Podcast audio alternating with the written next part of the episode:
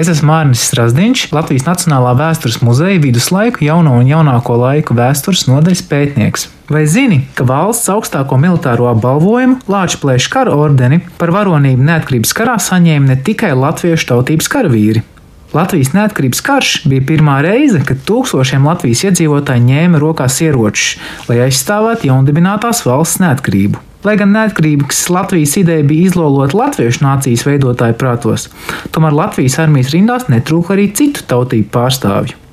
Aptuveni proporcionāli valsts iedzīvotāju etniskiem sastāvam, un tolaik aptuveni ceturtā daļa nebija latvieši, dažādu tautību piedarīgie dienēja arī Latvijas armijā. Daudzus mazākuma tautību pārstāvjus pēc neatkarības kara apbalvoja arī valsts augstāko militāro apbalvojumu Latvijas kara ordeni.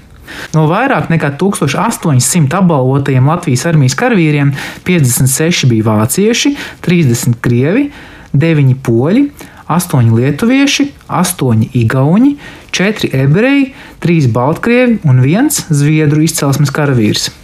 Arī 68 Latvijas muzeja kopizstādē Latvijas gadsimts Latvijas Nacionālajā vēstures muzejā iekļauti vairāki mazākuma tautībām piederīgo Lāčplēša kara ordeņa kavalieru dzīves stāsti, kas apliecina etnisko minoritāšu aktīvo iesaisti Latvijas veidošanā.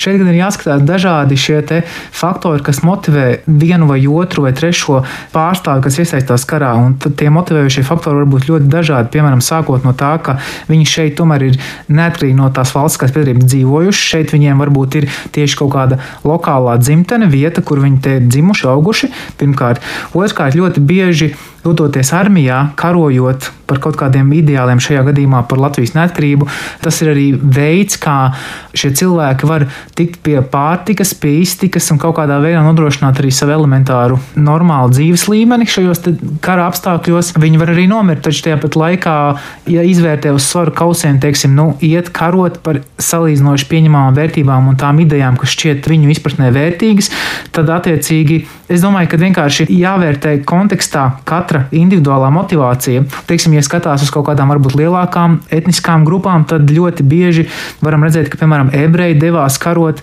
pret Pāvela Bermonta armiju tikai tādēļ, ka Pāvils Bermons vēlēs atjaunot Krievijas impērijas šo te nu, veco režīmu, un eh, ebrejiem Krievijas impērijas ietvaros nebija pārāk veiksmīgi varbūt šie sociālās dzīves apstākļi. Tādēļ šeit ir ļoti dažādi faktori, kas eh, nu, no vienas puses savijās savstarpēji kopā, un tad eh, mums ir grūti varbūt varbūt mums jāskatās arī gan uz individuāliem, gan arī uz kaut kādiem plašākiem etniskas grupas faktoriem.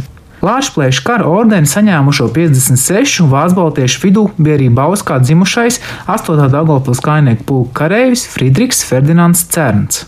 Viņš 19. gadā piedalījās kaujās pret Pāvela Bermonta Vālovu rietumu brīvprātīgo armiju, bet 1920. gada februārī karoja pret sarkano armiju Latgalē.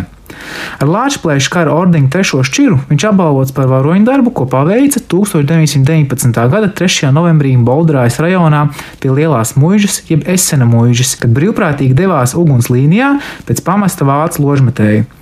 Turklāt, neraugoties uz kaujā gūto smago ievainojumu, Cerns ložmetēju paslēpa, lai vēlāk nodotu saviem cīņabiedriem. Pēc ievainojuma izārstēšanas Cerns turpināja dienestu. Tukumu muzejā saglabātajā vēstulē tēvam viņš lepojās. Mūsu vārds cerns, mīļais papu, stāv 8. pulka kara vēsturē ar zelta burtiem ierakstīts par manu uzupurēšanos visās kaujās. Zīmīgs ir arī Latvijas kara ordeņa kavaliera 4. valmieras kājnieka pulka diškarēju Feofana Radionova stāsts. Feofans Radionovs bija viens no 30 krieviem, kas pēc neatkarības kara beigām tika apbalvots ar Latvijas kara ordeni, kopā ar apbalvojumu saņemot arī mākslinieka Riharda Zariņa zīmēto grezno ordeņa diplomu. Tomēr līdz mūsdienām Feofana Radionova ordenis un diploms aizkrauklis muzejā saglabājies savojātā veidā. 1941. gada jūnijā, jau pēc Latvijas neatkarības zaudēšanas un padomju okupācijas, viņa mājās Mežāras pagasta Jaunzundānos kratīšanu veica Padomju Savienības iekšlietu tautas komisariāta vīri. Viņi sadauzīja Feofanam Radionovam piešķirto Lāčplēša kara ordeni, neatgriezeniski sabojājot ordeņa medaļonu un arī vairākos gabalos saplējis grezno ordeņa diplomu.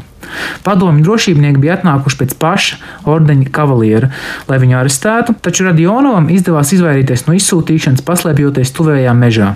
Pēc dažām nedēļām jau sākās vācu okupācija, tas ļāva atgriezties mājās, kur atrastas arī kratīšanā sabojātās mantas. Feofans Radionovs uzskatījis par svarīgu saglabāt piemiņu no neatkarības kara, tādēļ saplēstu ordeņa diplomu uzlīmējis uz vaskadrānas. Lai gan saglabājušies desmitiem krāšņu, neskartu Raharda Zariņa veidoto Lāčplēša kara ordeņa diplomu, tomēr tieši šis diploms iegūs vērtību sava stāsta dēļ, neraugoties uz tā necilo izskatu. Vācu baltiešu, krievu, ebreju, lietuviešu un citu tautību devums Latvijas neatkarības izcīnīšanā ir jāatgādina, lai neaizmirstu, kā arī daudzi nelatvieši ar cerībām uztvēra 1918. gada 18. novembra solījumu veidot taisnības valsti, kurā vienlīdzīgas tiesības būtu garantētas visiem tās pilsoņiem.